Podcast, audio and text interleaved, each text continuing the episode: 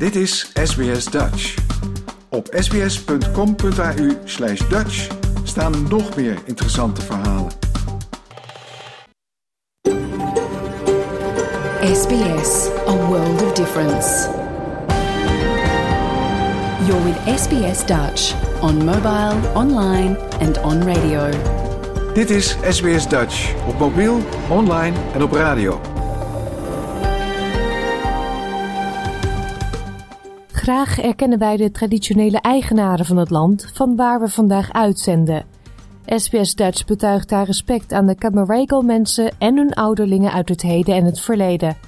Ook erkennen we de traditionele eigenaren van alle Aboriginal en Torres Strait Islander landen van waar u vandaag naar ons programma luistert.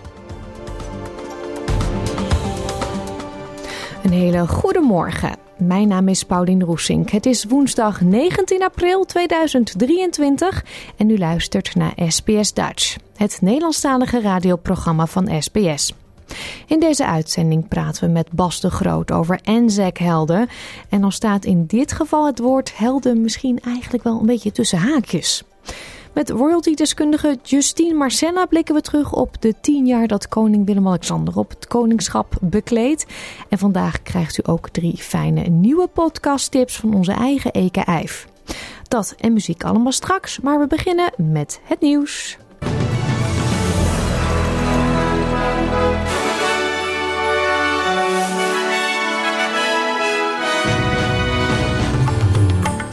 Dit zijn de headlines van het SBS Dutch Nieuwsbulletin van woensdag 19 april.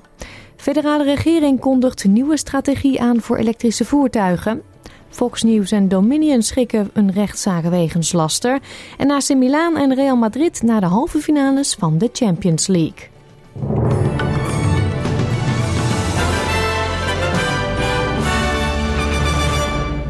De federale regering heeft een nieuwe nationale strategie voor elektrische voertuigen NIVS aangekondigd in een poging om meer milieuvriendelijkere auto's op de weg te krijgen. Onlangs werd bekend dat Australië naast Rusland een van de weinige ontwikkelde landen is die nog geen normen heeft voor brandstofefficiëntie. Een van de doelen van de NIVS is om Australië toegankelijker te maken voor ontwikkelaars van elektrische voertuigen, wat op zijn beurt de consument meer opties zal bieden. Minister van Klimaatverandering Chris Bowen zegt dat de NIVS huishoudens zal helpen met hun kosten van levensonderhoud. This is ultimately all about giving Australians better choices. Better choices of cars which are better for the climate and better to drive and more cost efficient. A petrol vehicle on average costs around $2,400 a year to drive. An electric vehicle costs around $400 a year to drive. So a saving of $2,000. De kosten voor de ouderenzorgsector in Australië zullen dit jaar met bijna 5 miljard dollar stijgen en zal in de toekomst blijven stijgen naarmate de bevolking ouder wordt. De ouderenzorg in Australië wordt gesubsidieerd door de federale overheid en is nu de op vier na grootste overheidsuitgave. Volgens het ministerie voor Ouderenzorg heeft de sector te lijden gehad doordat de voormalige coalitieregering stelselmatig te weinig geld gaf. Labour is nu vastbesloten om de sector eerlijk te ondersteunen. De kosten voor het financieren van ouderenzorgdiensten, waaronder subsidies voor ouderenzorgfaciliteiten en aanbieders van thuiszorg, zullen dit jaar stijgen van 24,8 miljard dollar naar ongeveer 29,6 miljard dollar. Premier Anthony Albanese heeft de formulering van de voorgestelde Indigenous Voice to Parliament verdedigd. Binnenkort moeten traditionele eigenaren uit Far North Queensland en de Torres Strait getuigen in een onderzoek naar het huidige Voice-voorstel. Premier Albanese zei bij 2SM Sydney dat volgens de beste experts op het gebied van constitutioneel recht van Australië het eigenlijk onmogelijk is om een rechtszaak aan te spannen vanwege de formulering van de Voice. This is a legally sound proposition and makes it very clear that Parliament's in charge. So there's no obligation, and there's certainly not an obligation uh, on the government uh, to agree. Uh, well, could, uh, to the voice, there is uh, there is though the provision uh, for the voice to be heard, for at least the views to be put Stemcomputerfabrikant Dominion en de Amerikaanse zender Fox News hebben hun rechtszaak geschikt. Fox News betaalt aan Dominion omgerekend 1,7 miljard Australische dollar. Dominion had Fox News aangeklaagd voor laster. De zender had namelijk beweerd dat bij de presidentsverkiezingen van 2020 in de VS was gefraudeerd en dat de computers van Dominion dat mogelijk maakten. Dominion-baas John Polis zegt dat de reputatieschade voor zijn bedrijf nooit echt ongedaan kan worden gemaakt. Fox and Dominion have reached an historic settlement. Fox has admitted to telling lies about Dominion that caused enormous damage to my company, our employees, and the customers that we serve. Nothing can ever make up for that. Throughout this process, we have sought accountability and believe the evidence brought to light through this case underscores the consequences of spreading lies. De perssecretaris van het Witte Huis, Karine Jean-Pierre, zegt dat de VS ernstig bezorgd is over de uitspraak van een Russische rechter dat Amerikaanse journalist Evan Gershkovich achter de tralies moet blijven vanwege de beschuldiging van spionage. Ze noemde het gebeuren een schijngerechtelijke procedure.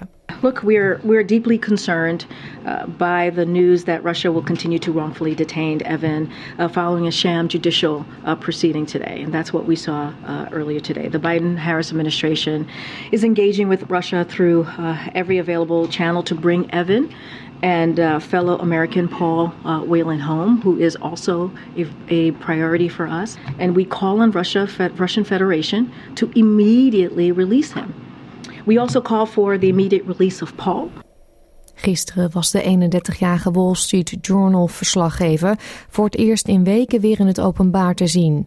Kerskovich is de eerste Amerikaanse correspondent die sinds de Koude Oorlog in Rusland wordt vastgehouden op beschuldiging van spionage. Hij, zijn werkgever en de Amerikaanse regering ontkennen dat hij betrokken was bij spionage. Sportnieuws dan. AC Milan en Real Madrid, de huidige bekerwinnaars, hebben zich als eerste teams geplaatst voor de halve finales van de Champions League. Milaan speelde met 1-1 gelijk tegen Napoli, maar dankzij de 1-0 overwinning vorige week zijn ze door. Real Madrid versloeg op Stamford Bridge Chelsea met 0-2. Vanavond, lokale tijd in Europa, wordt beslist wie de andere twee halve finalisten worden. Dan speelt Bayern München tegen Manchester City en Inter Milaan tegen Benfica. Wisselkoers dan. 1 euro is op dit moment 1,63 dollar waard en voor 1 Australische dollar krijgt u op dit moment 61 eurocent.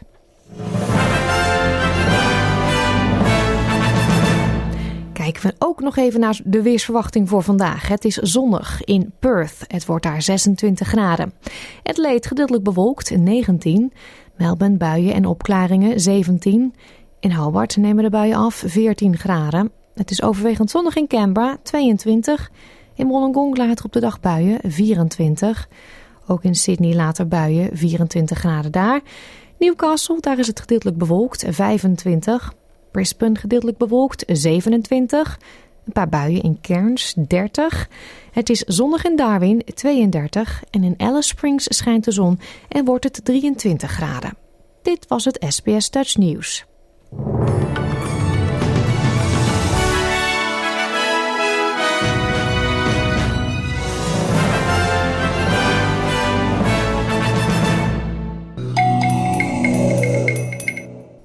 Nogmaals een hele goede morgen en welkom bij SBS Dutch. Straks blikken we met royalty-journalist Justine Marcella terug op 10 jaar koning Willem-Alexander. Maar we beginnen met de twee grootste steden van Australië. Al tientallen jaren wordt Sydney gezien als de grootste stad van Australië met meer dan 5,3 miljoen inwoners. Maar volgens het Australian Bureau of Statistics is dat nu veranderd en heeft Melbourne Sydney ingehaald als grootste stad van Australië. Dit is SBS Dutch. Het aantal inwoners van Sydney was in 1902 groter dan die van Melbourne en dat is meer dan 100 jaar zo gebleven. Tot nu toe. Het Australische Bureau voor de Statistiek heeft verschillende methoden om stedelijke bevolkingsgroepen te berekenen, waaronder de klassificatie van significant stedelijk gebied. Hieronder vallen ook alle aangrenzende stedelijke gebieden met meer dan 10.000 inwoners. Andrew Howe van het Australische Bureau voor de Statistiek zegt dat het opnemen van de stad Melton in de statistiek heeft bijgedragen aan de stijging. For Melbourne, uh, we have the Melbourne's main um, suburban area, just we'll call that Melbourne, but also Melton, which is a, a growth centre in the west of, of uh, Melbourne, have actually combined to form one, what we call continuous or um, population uh, centre, and that's now higher than, than Sydney. In de buitenste westelijke regio's van Victoria is de bevolking in een periode van 10 jaar met ongeveer 60% gegroeid. Momenteel heeft Melbourne zo'n 5,8 miljoen inwoners, 19.000 meer dan Sydney. Volgens Howe is Melbourne gegroeid door zowel internationale als binnenlandse migratie. Migration is our key component here. So, yeah, population change is due to uh, migration, but also due to natural increased births minus deaths. Uh, now, the, the, over the past, say, 10 years, for if we want to compare Melbourne and Sydney, what we find is in terms of that overseas component of migration, Sydney's actually been a little bit higher than Melbourne over those those ten years, about half a million higher over ten years in terms of the net migration inflow from overseas. However, the key differential here for Melbourne and Sydney in terms of migration is its internal migration, the way people move in and out of those regions. Demograaf Ken Capuano is van mening dat Sydney nog steeds de grootste stad van Australië is. So what what we would say is uh, almost certainly on the greater capital city statistical area boundary, which is the usual one that you use to define the, the greater metropolitan areas of all of our state capitals, Sydney will still be larger than Melbourne. And the main reason for that uh, is that it includes the Central Coast. Uh, and the Central Coast is uh, kind of an odd one. It's included in Greater Sydney because it is economically part of Greater Sydney and a large share of population work in, in Sydney. Uh, but it can never be part of the significant urban area because it's not contiguous because of the Hawkesbury River and you can't build on the Hawkesbury River. Tussen Sydney en Melbourne bestaat al tientallen jaren een rivaliteit. Adjunct professor geschiedenis Paul Ashton van de University of Technology Sydney zegt dat die rivaliteit tussen beiden er nog steeds is. The rivalry between Melbourne and Sydney has had very, very long, deep historical roots. When in the 1840s uh, there was an immigration scheme um, um, set up to bring people out to the colonies, uh, free labourers and workers, shepherds and other other people like that. Um, th- there was suggestions from the colony of New South Wales that that scheme actually be funded by land sales in Port Phillip, and people around Port Phillip, which is now Victoria, um, were very offended by New South Wales that they were a part of at that stage using them uh, and land sales to them and their, their land to pay for schemes to bring skilled labour to work in the colony of New South Wales and not where they were. So there are some very deep entrenched difficulties between the, the two colonies. Ja, en dat debat zal vast en zeker hier niet ophouden. Het was een verhaal van Ayman Baghdadi voor SBS Nieuws en door SBS Dutch vertaald in het Nederlands gaan we verder met Anzac Day. Dat is volgende week dinsdag. Bas de Groot, voormalig archivaris van Flinders University, vond tijdens een van zijn speursessies in de archieven van de Nationale Bibliotheek in Australië namen van enkele Nederlandse mannen die graag Anzac-helden hadden willen worden, maar waarbij het om een of andere reden niet helemaal goed ging. Gisteren sprak ik hem hierover. Jouw gemeenschap, jouw gesprek, SBS Dutch. Bas, we spreken elkaar jaarlijks rond Anzac Day. En dit jaar zei hij, nou eigenlijk wil ik een onderwerp bespreken die misschien een beetje controversieel is. Vertel.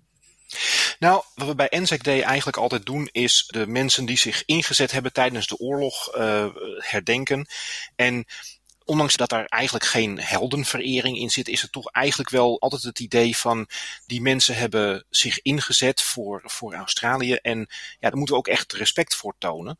En soms lijkt het er wel eens op alsof zeg maar, de Anzacs uh, dan eigenlijk een beetje ja, bijna boven natuurlijk worden. Een beetje, een beetje supermensen worden. Ja. Um, en ja, een van de dingen die ik in mijn onderzoek ook ben tegengekomen, is dat er ook gewone mensen zijn die af en toe ook fouten maken en af en toe ook uh, ja, niet zo goed bezig zijn. Um, die mensen, ondanks dat ze ja, fouten gemaakt hebben of op een andere manier niet uh, supermensen waren, wilde ik toch ook een keertje voor het licht brengen. Ja, en terecht. Uh, ik zeg uh, trap af. Oké, nou ja, um, een eerste categorie is bijvoorbeeld de mensen die wel geprobeerd hebben om in de AIF terecht te komen, maar niet zijn aangenomen. Ik heb er een, uh, een stuk of zes gevonden. Bijvoorbeeld Willem van Boven uit Amsterdam. En Andrew Klaas van Buren uit Bolsward. En een Francis van Hemelrijk. En die hebben dus wel geprobeerd om in de EAF terecht te komen. Maar ja, zijn dus niet aangenomen. Dus dat was een, ja, een eerste categorie dat mensen wel willen, maar ja, niet, gewoon niet in staat worden geacht om een goede soldaat te, te worden. Nee. Daarnaast zijn er ook een aantal mensen die wel aangenomen zijn, maar die binnen een nou redelijk korte periode over het algemeen zoiets hadden van, weet je, eigenlijk is dit toch niet voor mij. Ik wil niet meer. En die dus gedeserteerd zijn. Overigens, dat hoefde trouwens niet. Ze konden namelijk ook gewoon zeggen van nou, ik ben wel in dienst gegaan, maar ik wil eigenlijk niet echt.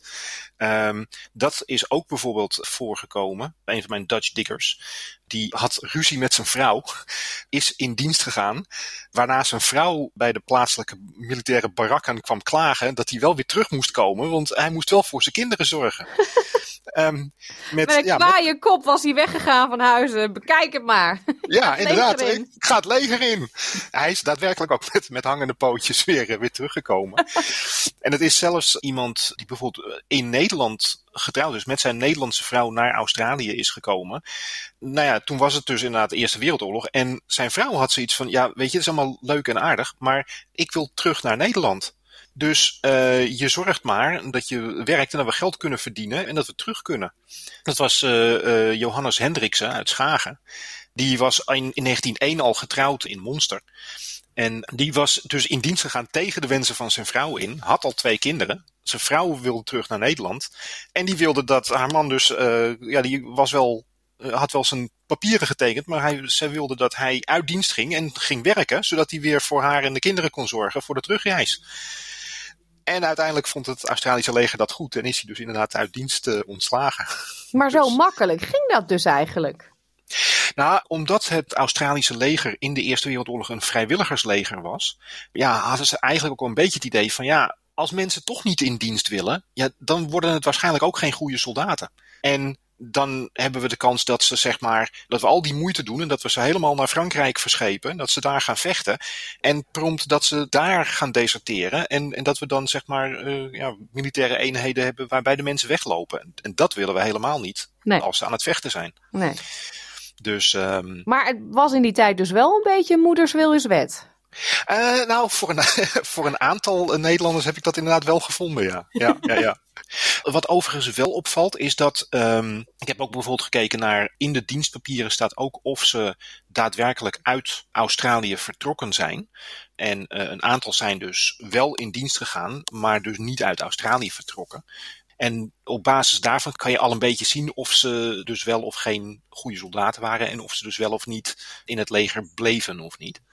En dan valt wel op dat de mensen die niet uitgezonden zijn, dat daar toch ja, best wel veel mensen van de, ja, die al wat ouder zijn tussen zitten. Terwijl de gemiddelde leeftijd van alle Nederlanders die in dienst gingen rond de nou, 23, 24 lag, heb je daar toch wel uh, veel mensen van uh, al ruim in de 30 en zelfs een aantal veertigers. Uh, de oudste van die groep die ik heb gevonden, het was William Mummock, of misschien Mulok, ik weet niet precies, de, de naam is een beetje moeilijk te lezen, uit Alkmaar. En die was al uh, 44 jaar en uh, 7 maanden. Hij had al aangegeven dat hij al eerder in het leger had gezeten, had al drie jaar garnizoensdienst gedaan en uh, is in november 1915 in dienst gegaan. En in februari 1916 hebben ze hem al, alweer eruit geknikkerd. Want daar, werd, er werd gezegd, hij was drunk and inefficient. Wat we daarnaast ook zien is dat, omdat het Australische leger dus inderdaad een vrijwilligersleger was, en ze dus ja, niet al te veel tijd kwijt wilden zijn aan mensen vervolgen die eigenlijk niet wilden dienen, ehm, zie je ook wel vaak dat als mensen gedeserteerd zijn, en dat was meestal ergens tussen een paar weken of tussen een paar maanden nadat ze zich in de barakken hadden gemeld, dat dan eh, na de oorlog veel van die sentences, dus die straffen, eigenlijk allemaal kwijtgescholden worden. Na de oorlog heeft iedereen zoiets van, ja, we gaan niet, niet nu nog moeilijk doen over wat er tijdens de oorlog is gebeurd. En uh, laat maar zitten. Tenzij je dus opgepakt wordt voor inbreken, zoals gebeurde met Barend Oosten uit Rotterdam. Die was gedeserteerd um, en was daarna ook maar ergens gaan inbreken en daarvoor werd hij opgepakt. Dus uh, hadden, hadden ze hem alsnog, uh, alsnog te pakken. Ja, maar het is wat je al zei, je kan moeilijk een straf geven aan iemand die vrijwillig een dienst ingaat, maar daarna ook zegt ik wil er weer uit. Dan, ja, die kan je toch niet straffen dan? Nee, nee. Maar wat het leger dan wel wilde was eigenlijk dat je het gewoon op een nette manier vroeg. Dan hadden ze er nog begrip voor. Maar als je gewoon wegrende en, ja. en gewoon niet meer terugkwam. En vaak als mensen dat deden, dan namen ze dus ook bijvoorbeeld hun spullen mee. Kijk, je kreeg een uniform, je kreeg een geweer, je kreeg spullen om, uh, om mee te slapen enzovoort. Ja, en als je die allemaal meenam, en daarna vervolgens allemaal weer ergens gewoon op de pof verkocht. Dan was je natuurlijk gewoon aan het jatten. Dus ja. daar waren ze eigenlijk nog bozer om dan, dan op het feit dat ze ja, niet meer wilden dienen. Ja, en als je dan zo dom bent om je te laten pakken als je inbreekt, ja, dan ben je de Sjaak. Dan ben je de Sjaak, ja. ja. Ik ben één soldaat tegengekomen, uh, Abraham Onderwijzer uit Amsterdam. Die was gedeserteerd in juni 1917. Maar die is dus daadwerkelijk inderdaad toch gearresteerd en die is opgebracht voor een court-martial. En die is veroordeeld tot negen maanden gevangen en hard labor op Fort Larks. Wat overigens na drie maanden alweer werd kwijtgescholden. En daarna is hij gewoon oneervol uit de dienst ontslagen. En, uh, en maar wat had hij gedaan dan?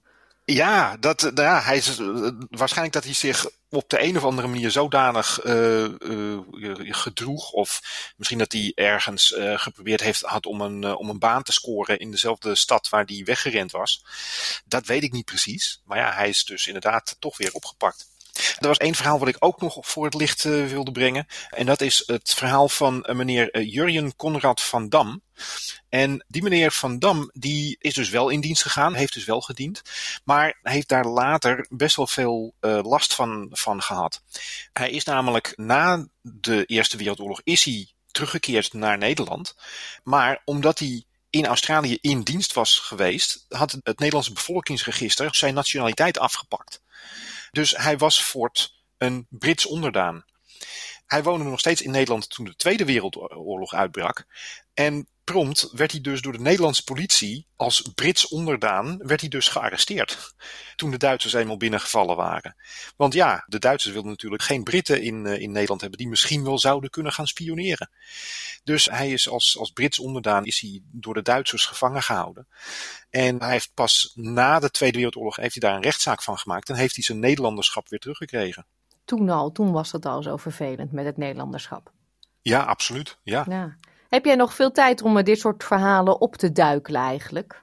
Uh, langzamerhand iets minder. Ik ben ondertussen van baan gewisseld. En dat neemt altijd wel veel, veel tijd uh, in beslag. Dus het, uh, langzamerhand loopt het onderzoek iets minder hard. Maar er zijn wel nog steeds een heleboel individuele verhalen die ik ondertussen al wel gevonden heb. Die wel nog steeds hartstikke leuk zijn om toch voor het voetlicht te brengen. Ja, hoe zie ik dat voor me? Jij gaat door die dingen en dan af en toe dan hoor je en ik yes of ah of zo. ja, absoluut. Kreetje, vreugdekreetje. Ja, ja, nou ik ben, ook, ik ben ook heel blij dat Nationale Bibliotheek van Australië, die heeft natuurlijk de digitaliseringssite Trove. En Trove is een, is een website waar je dus heel veel gedigitaliseerde kranten en, en radiofragmenten en, en wat dan ook kan vinden. En ja, daar vind ik dus een heleboel uh, zeg maar, van de details over mensen buiten hun dienstgegevens. Hmm. Um, dus ik ben ook heel blij dat, dat er voor Trove nu weer uh, voldoende geld gevonden is om dat weer door te laten gaan. Ja, en ik ook. En de luisteraars ook, want dan kunnen wij blijven genieten van jouw mooie NSEC-verhalen. Ja, absoluut. Dankjewel, Bas. Nou, graag gedaan. U hoorde Bas de Groot met al een vooruitblik op NSEC Day volgende week dinsdag. De Nederlandse taal kunt u levendig houden door naar Nederlandse televisieprogramma's te kijken, te luisteren naar bijvoorbeeld SBS Dutch en het lezen van Nederlandstalige boeken. Maar sinds enkele jaren is daar nog een hele mooie optie bijgekomen, namelijk het luisteren naar podcastseries. Podcasts zijn eigenlijk een soort programma's die meestal niet uitgezonden worden op de radio. Eke Eif woont in Brisbane en is een heel groot podcast-fan. Dat woord is af en toe alleen een beetje moeilijk uit te spreken. Ze heeft drie podcasts uitgekozen om weer met ons te bespreken. Ja, de eerste die heet Making an Opera. En het is een podcast die al heel lang mijn favoriete podcast is. Maar uh, ik nooit kon bespreken omdat we hem hier in Australië niet kunnen horen. Omdat er rechten op zitten voor Nederland. Maar ik heb nu gevonden dat uh, in Parel Radio, dat hij daar integraal wordt uitgezonden. En zo kunnen we hem dus wel luisteren. En daar was ik zo blij mee. Dus ik dacht, ja, nu kun ik hem uh, gaan bespreken. Ja, en Parel Radio, dat hebben we al eerder besproken. Dat was toen nog met Nina. Dat is een podcastserie die podcast bespreekt. Eigenlijk een beetje wat wij doen. En zij zenden dan een aflevering uit, hè? Ja, en meestal is het zo, uh, als er een uh, serie is, dat ze dan de eerste of de eerste twee afleveringen uitzenden. En dat je dan verder zelf kan opzoeken en, uh, en luisteren. Maar met deze hebben ze hem integraal erop gezet. Alle acht afleveringen. Dus daarom kunnen wij hem nu luisteren en daar ben ik zo blij mee. Nou, ik zeg steek van wal. Waarom is het jouw favoriete podcast? Nou, het is een, uh, een relaas van uh, zeven uitzonderlijk goede jonge zangers. die de kans van hun leven krijgen om een wereldpremière te zingen bij de Nederlandse Opera in Amsterdam. En Stef Visjager volgde voor de NTR en de NPO Radio 4 de zangers en het artistieke team tijdens het maken van de opera. De opera die heet Ritratto en die wordt geschreven door Willem Jets. En dit is al een heel bijzonder uh, project, want het is een moderne opera en hij wordt geschreven door een Nederlandse componist. En er is ook een Nederlandse regisseur. En de kostuums die worden ontworpen door de beroemde Nederlandse coutier Jan Taminiau. Dus dat is al heel erg bijzonder. En dan wordt Stef Visjager, die wordt gevraagd om het hele proces uh, te volgen. Ze gaat anderhalf jaar, gaat ze embedded eigenlijk in de Nederlandse opera. En um, ze maakt daarvan een podcast in acht actes. En er komt iedere keer een ander aspect van de operaproductie aan bod. Uh, eerst krijgen we de zenuwen bij de audities en dan horen we dijken van stemmen in de zanglessen. Er zijn vergaderingen, repetities. Het gaat over de muziek, de kostuums, de decors en de regisseur.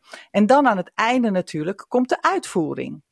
Je hoort dat niet alles even gladjes verloopt. Om elk woord, elke noot, elk kledingstuk en ieder requisiet wordt gestreden. Uh, er zijn geheime liefdes en intriges en je zult erachter komen dat het maken van een opera vaak net zo dramatisch is als de opera zelf. Ja, het is echt een geweldig kijkje achter de schermen. Ja, ja, absoluut. De actes die duren 20 minuten en luister ze vooral in volgorde. En dan leef je mee met de zangers en de makers en het verhaal. En je beleeft mee hoe het dramatische einde zich voltrekt. In het begin hoor je ook uh, de maakster met de presentatrice van Parel Radio even praten over hoe dit ontstaan is en zo. En zij vertelt ook, zij heeft gewoon carte blanche gekregen. Zij mocht overal bij zijn. Ja, dat mocht wel. Maar je voelt ook in de podcast dat in het begin is iedereen daar heel open in. Maar tegen het einde krijgen mensen daar toch veel meer moeite mee. En voelt zij zich ook af en toe heel erg ongemakkelijk om erbij te zijn. Maar ze blijft er wel bij.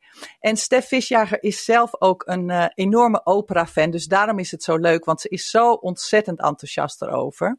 Mm, nou, laten we een stukje luisteren. Wat is jouw favoriete stukje? Heb je er een eigenlijk? Of is alles wat ik laat horen prima?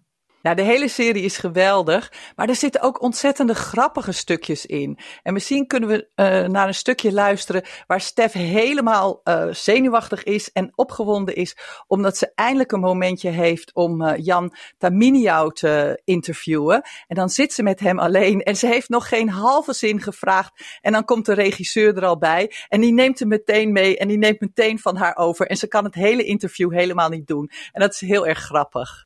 Komt-ie. Was je blij vandaag met wat je zag boven? Ja. Ja, het ziet er echt geweldig uit. Deze man is zo druk dat ik dolblij ben hem tenminste even te spreken. Al is het fluisterend. Maar dan beent Marcel Seijmen op ons af en ik denk meteen, "Ah, we mogen niet praten. Sla maar. Sorry. Maar dat is het niet. Don't leave before I introduce you to everybody. Heb ik Tamini al eindelijk? Wordt hij ingepikt door Marcel Seim, die hem wil voorstellen aan de zangers en het interview Uh, but now- overneemt. There's a big pain in our butt, and that's the costume designer. Jan Timmy now. Uh, so I'm going to interview him. Jan, why do you think you want to bother them with these huge costumes? Ja, dat is natuurlijk een beetje jammer dan. Zit je klaar? Weg, interviewee. Ja, maar dit is. Je krijgt op zo'n manier wel een prachtige kijk achter de schermen van de opera. Waar je normaal helemaal geen toegang toe hebt. En je krijgt nog mooie muziek op de koop toe. De stemmen van die zangers zijn ongelooflijk. En om dat te horen op de radio met je koptelefoon op is zo fantastisch. Het is bijzonder goed gemaakt. Het is beeldend. Het geluid is fantastisch. Er is hele spannende audio. Er zitten prachtige details in. Het is heel mooi gemonteerd. Het is soms heel ontluisterend. En ehm, als luisteraar word je volledig meegenomen naar een andere wereld. En eh Stef kreeg voor deze podcast ook de Prix Europa. En ook de Prix Italia in eh, 2020. En eh, op 19 eh, april van dit jaar krijgt ze de DDG Oeuvre Award uitgereikt. En dat is een award voor eh, regisseurs die dan een, eh, een prijs krijgen voor hun hele oeuvre. Dus eh, dat is, eh, vind ik wel heel erg verdiend. Zij is goed bezig. Zeker. Ja, de tweede podcast die we gaan bespreken, dat was een discussiepuntje tussen jou en mij. dat mogen de luisteraars best weten. Het heet Door de ogen van de koning. En ik zei, Eka, dat is nou toch leuk, want koning Willem-Alexander zit tien jaar op de troon. En hij heeft nu een podcast. Ja. En toen dacht jij, hmm. Ja, nou, eh, ik denk dat het fantastisch is voor de mensen in Australië om dit te luisteren. Want het is ter gelegenheid van Willem-Alexander zijn eh, tienjarig koningschap.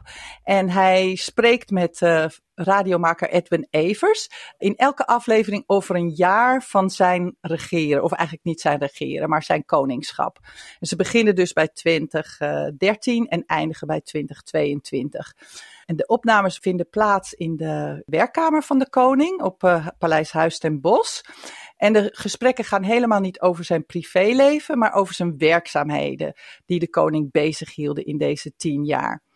Uh, de podcast is gemaakt door Tony Media en het is in opdracht gemaakt van de Rijksvoorlichtingdienst. En dat is een beetje waar ik een beetje problemen mee heb, want het is zo uh, ontzettend gescript en zo ontzettend bepaald welke onderwerpen over gepraat worden en welke onderwerpen niet. Maar ondanks dat was ik toch eigenlijk wel aangenaam verrast. Het is uh, interessant en uh, er zijn hele leuke dingen om te horen. Het is heel fijn om te horen dat hij, dat Willem-Alexander zo'n plezier beleeft aan zijn ambt.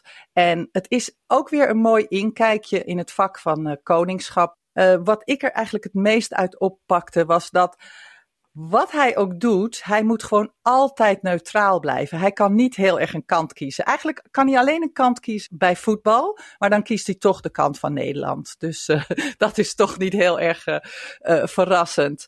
Um, ja, ik vind vooral als er directe vragen gesteld worden, dan is het antwoord blijft toch altijd oppervlakkig. En juist omdat hij natuurlijk neutraal moet blijven. Er komt niet echt een reactie op specifieke vragen. Maar toch vind ik het een hele bijzondere productie, omdat ze hebben een mooi medium gebruikt om dit te doen. Ik vind het eigenlijk veel leuker dan als je, weet je wel, een 20 minuten interview op de televisie zou zien. Maar doordat het podcast is, kunnen ze toch wat speelser zijn. En, um... je hoort ook dat Edwin Evers en de koning elkaar langer kennen dan vandaag. Hè? Volgens mij worden ze steeds losser per uitzending. Ja, er komen ook af en toe komen er wel grapjes tussendoor. En ja, de, er is een fijne dynamiek tussen die twee. Het is niet echt een heel erg uh, stijf interview. Nee, en, en, hij wordt ook niet doorgezaagd over de dingen die hij gedaan heeft. Zo'n podcastserie is het niet, dat zei je al. Hè? Maar ik vond het dan toch wel weer leuk om te horen dat de koning ook gewoon een mens is. En tijdens corona-lockdowns zoomt met een webcam aan met zijn mooie joggingbroek, maar bovenop een colbertje. Ik vond dat toch leuk om te horen. Laten we even luisteren naar dat fragmentje. Heb, heb u nou, dat vroeg ik me af bij die Zoom-calls, want dat deden natuurlijk heel veel mensen, die Zoom-calls. En dan aan de bovenkant een colbertje en een stropdas en aan de onderkant gewoon in de trainingsbroek. Deed u dat ook of niet? Ehm, ja, natuurlijk. ja? Fantastisch hè? Niet elke keer, maar Nee, dat is, is- is wel eens- voorgekomen. Is voorgekomen, Ja. zeker in het begin. Ja. Want dat geeft gewoon een goed gevoel. Heerlijk. Ja. Het is net een mensen, Eka. Ja, dit is leuk. En als ik dan bedenk, weet je wel, wij hier in eh, Australië zien natuurlijk ontzettend veel van het Engelse Koningshuis. En dan ben ik eigenlijk ben ik dan zo ontzettend blij met het Nederlandse Koningshuis. Die gewoon zoveel meer met hun voeten op de grond staat. En die niet van die enorme familiedrama's heeft. En dan ben ik eigenlijk best trots op ze. Nou, dat is toch leuk. Laten we snel naar de laatste podcast gaan. Goed. En die heet Anders nabij. Dat geeft niet veel weg, hè? Nee, het, eh, het is een eh, vijfdelige podcast uit eh, 2019 van de Vlaamse audiomaker Eva Droogmans, waarin ze praat met ouders die een kind verloren hebben en over hoe ze nu verder gaan in het leven. Dat doet ze op een plaats die voor de ouders heel speciaal is en wat daarom ook heel veel losmaakt. En de dood van een kind is taboe en ouders krijgen al vrij snel weinig ruimte om hun kind nog ter sprake te brengen. Familie, buren, vrienden, collega's, vrijwel iedereen mijt het onderwerp uit schrik om de ouders te kwetsen. Maar deze podcast, het zijn stuk voor stuk aangrijpende verhalen met veel verdriet, maar vooral ook met veel liefde en heel veel veerkracht. De ouders vertellen hoe hun kind overleden is, maar vooral vertellen ze wat dat voor hun heeft betekend en hoe ze hiermee omgaan en waar ze kracht uit putten. En bijvoorbeeld Hartesmoeder richtte een stichting op die langdurig zieke kinderen blij wil maken. En Charlotte's vader zegt dat hij door zijn dochter een ander mens is geworden, een andere vader. En Toons moeder is dankbaar en dagelijks geïnspireerd door haar zoon. En in de serie spreekt Eva niet alleen met ouders, maar aan het eind van elke aflevering is er ook een kort gesprek met rouwtherapeut Anne Hoge, die een gelijknamig boek maakte. Ze geeft een duiding aan wat er voor de ouders speelt en plaatst het in een grotere context. Dit is natuurlijk wel een heel heftig onderwerp. Ja, het is een heel heftig onderwerp, maar ik vind eigenlijk de verhalen niet zwaar. En dat komt door de schoonheid waarmee het gemaakt is. Ten eerste heeft Eva een prachtige stem. En ze neemt tijd voor de mensen en voor de verhalen. En eigenlijk gaan de afleveringen niet over de dood, maar over het leven. Er is heel veel openhartigheid, er is eerlijkheid. eh, het is ontzettend warm, er is ontzettend veel begrip. En eh, ja, ik kreeg soms wel een brok in mijn keel, maar ik vond het ook het relativeert ook heel erg. Ehm, de dingen waar ik mee bezig ben en waar ik me druk om maak in mijn dagelijks leven. Als je dan deze dingen hoort, dan relativeert het zo. En ik vind ook dat Eva de afleveringen heel behapbaar heeft gemaakt. Het is niet dat het enorm verdrietig is en dat je er met een naar gevoel mee achterblijft. Het is indringend, maar je leert ook heel veel van dit soort verhalen. Laten we een stukje luisteren. Ja, ik zie ze nog zo voor mij zitten en ik weet nog exact hoe, hoe ze haar maaltijd bestelde, enzovoort enzovoort. En hoe teleurgesteld ze keek als, ze, als ik zei van nee, ik vind dat geen goed idee dat je gaat vertrekken. Maar de grootste zorg was, ze zag er toch zo verschrikkelijk vermoeid uit. Achteraf natuurlijk is dat verklaarbaar, omdat ze dus gestorven is aan een hartfalen, omdat dat hart toen al niet goed functioneerde. Hè? Maar zij was naar haar gevoel wel klaar voor de wereld. Oh, dat wou nog zoveel doen. Kon niet snel genoeg. Dat was helemaal Charlotte, alles. Die heeft, die heeft duizend hobby's gehad, hè. En zij, ja, zij dartelde door het leven, maar het is zo'n danige uitstraling dat ook iedereen...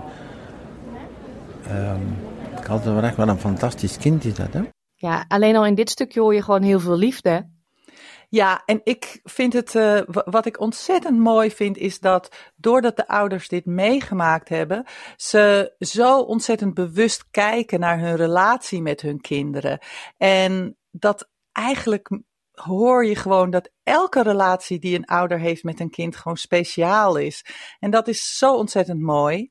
Ja, een mooie podcastserie om mee af te sluiten. Ja, vind ik ook. Zullen we ze alle drie toch weer even noemen? Hè? Dat doen we altijd. Ja, de eerste was eh, Making an Opera van Stef Visjager. De tweede Door de Ogen van de Koning, Willem-Alexander. En de derde is Anders nabij. Prachtige verhalen over ouders die een kind hebben verloren. Dankjewel, EK. Volgende maand heb je ze alweer klaar liggen? Ja, ik heb er alweer drie voor volgende maand. En uh, soms vind ik het uh, zelfs moeilijk. En dan denk ik van, kan ik er deze keer niet vijf doen? Want ik heb zoveel mooie. Maar ze komen er gewoon aan. Jullie moeten gewoon iets langer wachten. Dankjewel. De links naar de zojuist besproken podcastseries, maar ook alle andere podcasttips van EKA zijn te beluisteren op onze website www.sbs.com.au Dutch. Klik bovenaan de pagina op podcastseries en ga dan naar de podcast podcast voor alle afleveringen. Ja, over anderhalve week, op 30 april, is het alweer tien jaar geleden dat toen nog koningin Beatrix deze woorden uitsprak. Ik heet u allen graag welkom bij deze ceremonie.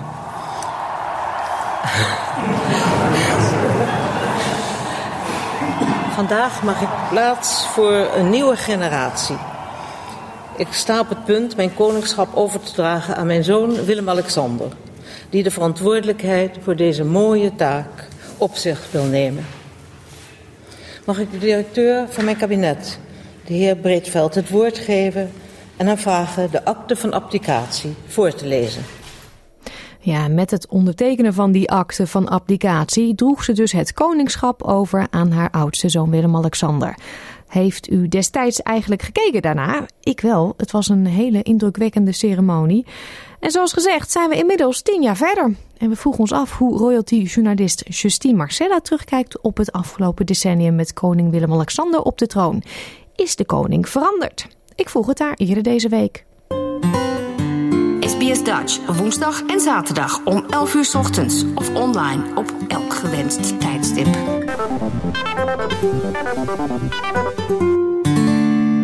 Tien jaar koning Willem-Alexander. Het was eigenlijk voor het eerst in 150 jaar, ruim 150 jaar, dat we weer een koning hadden in plaats van een koningin. Hoe bevalt jou dat, eh, Justine?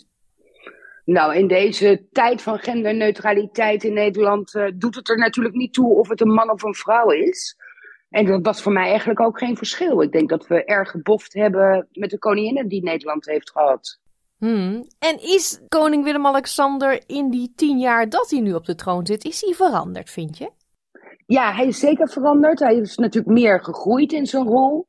Uh, maar hij is natuurlijk, het is een mens en een mens verandert en wordt wijzer en meer ervaren. Uh, ik volg hem nu al uh, 30 jaar bijna. En ja, ik heb hem absoluut zien veranderen in wat we toen destijds ooit noemden Prins Pils. Maar Prins Water en vervolgens Koning van Nederland. Ja, en jij was aanwezig in de kerk op 30 april 2013.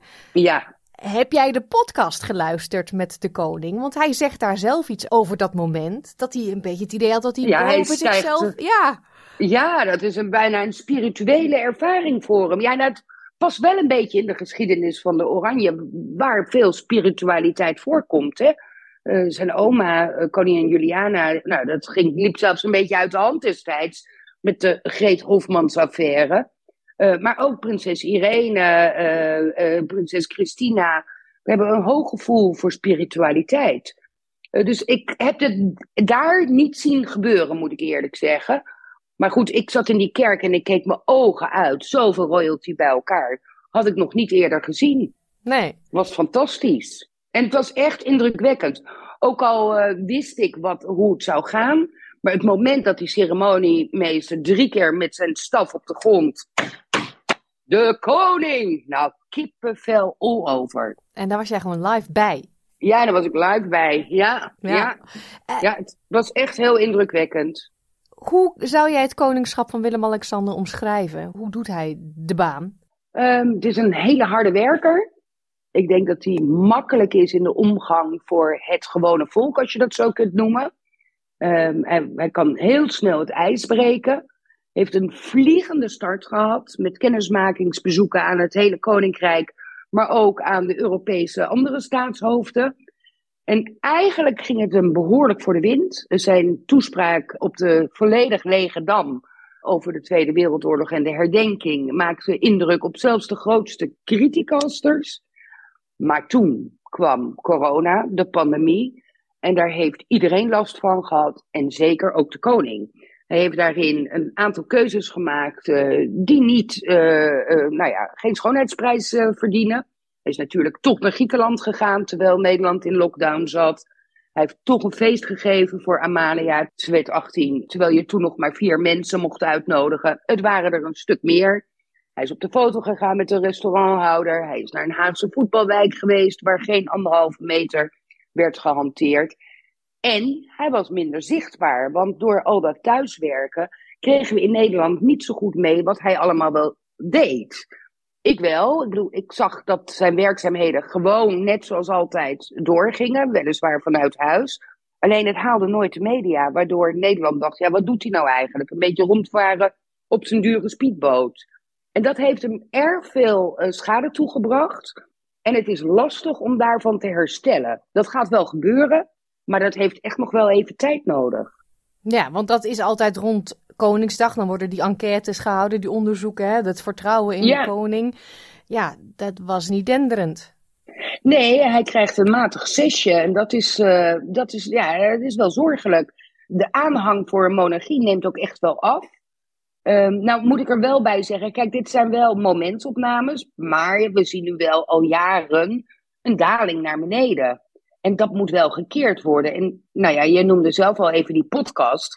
Ik geloof wel dat dat in de strategie past om de koning weer wat meer naar de bevolking te brengen. Wat dichterbij te ja, halen. daarin bekent hij toch ook dat hij gewoon Zoom-meetings heeft gedaan in zijn joggingbroek. ja, maar ook om te laten zien, ik heb wel, wel degelijk uh, ben ik aan het werk geweest. Ja. ja, wat vond je van die podcastserie trouwens? Het is nog bezig natuurlijk. Het is nog bezig. Ja, ja ik vind het een gouden, gouden zet van, uh, van het Koninklijke Huis. Het is natuurlijk geen kritisch interview. Hè. Het is uh, echt geïnitieerd door de Rijksvoorlichtingsdienst.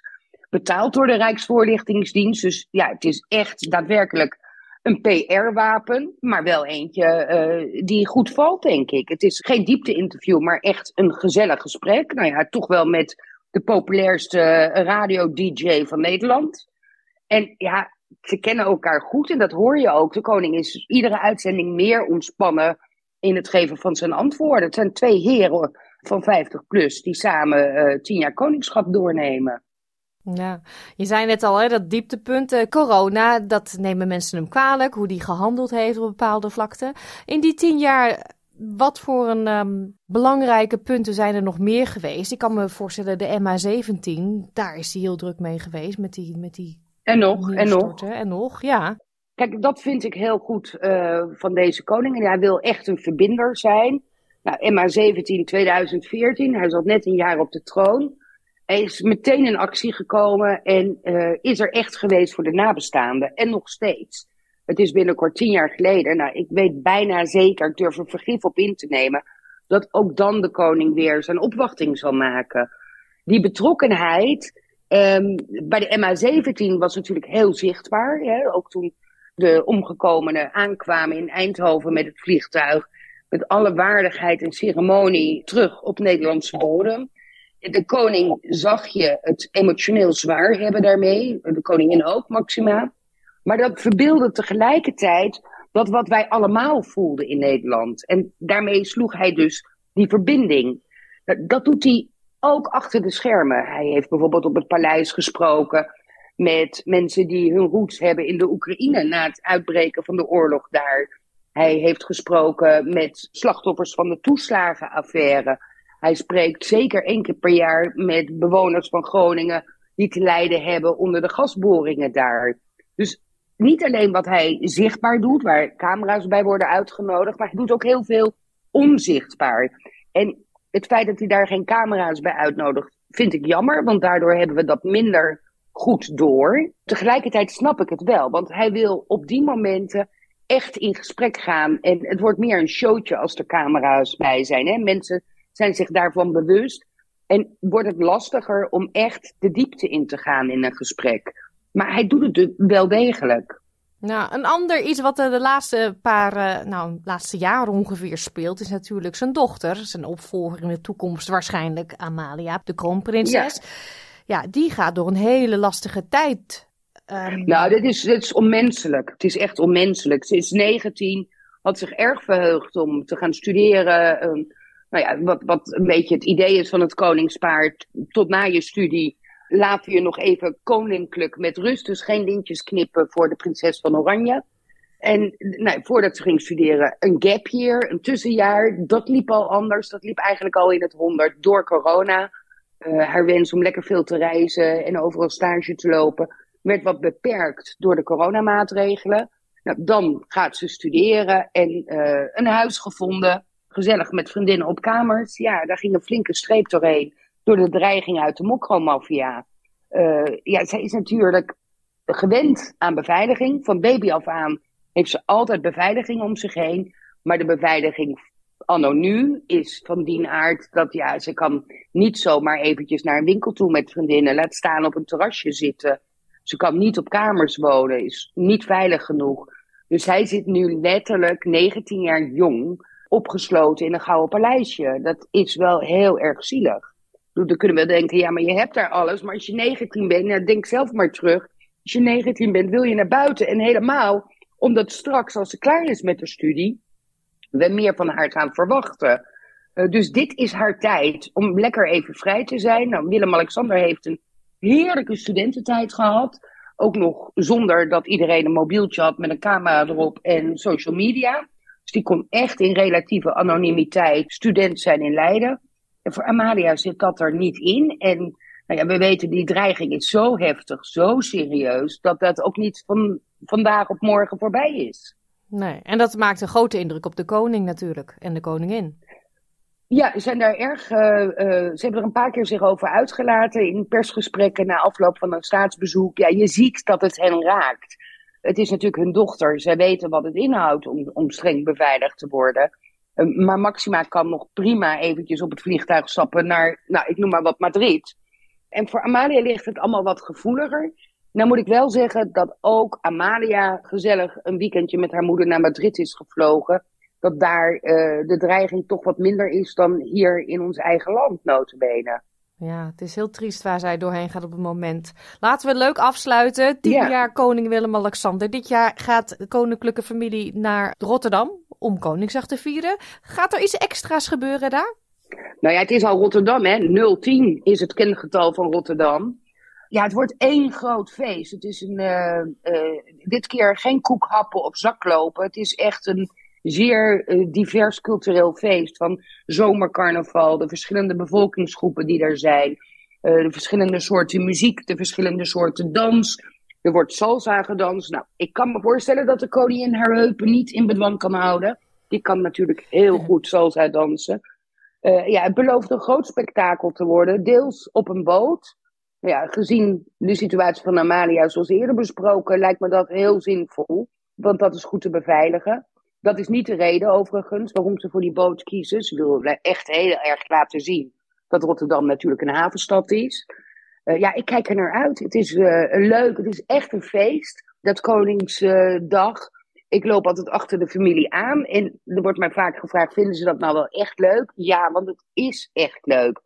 Dus alleen maar positiviteit en warmte op zo'n dag langs de route. Ja, nou, hartstikke leuk om naar uit te kijken. Dankjewel, Justine Marcella. Alsjeblieft. Wilt u de abdicatieaankondiging van prinses Beatrix nog eens terugkijken of misschien de inhuldiging van koning Willem-Alexander? Op onze website www.sbs.com.au Dutch staan de YouTube-filmpjes van deze historische momenten. En u vindt daar ook een link naar de Instagram-pagina van Justine Marcella. We komen hiermee aan het einde van deze uitzending. Al onze verhalen en podcastseries die kunt u terugluisteren op onze website. Ik noemde hem zojuist al. Nog een keertje. www.sbs.com.au Dutch. Heeft u een smartphone of tablet, dan kunt u ook de gratis SBS Audio app downloaden. Dit kan in de App Store of Google Play. Zaterdag, dan zijn we er weer. Hopelijk u ook. We sluiten af met muziek van Suzanne en Freek en Snelle. Dit is De Overkant. Een hele fijne middag. Wil je nog meer soortgelijke verhalen? Luister via Apple Podcasts, Google Podcasts, Spotify of waar je je podcasts dan ook vandaan haalt.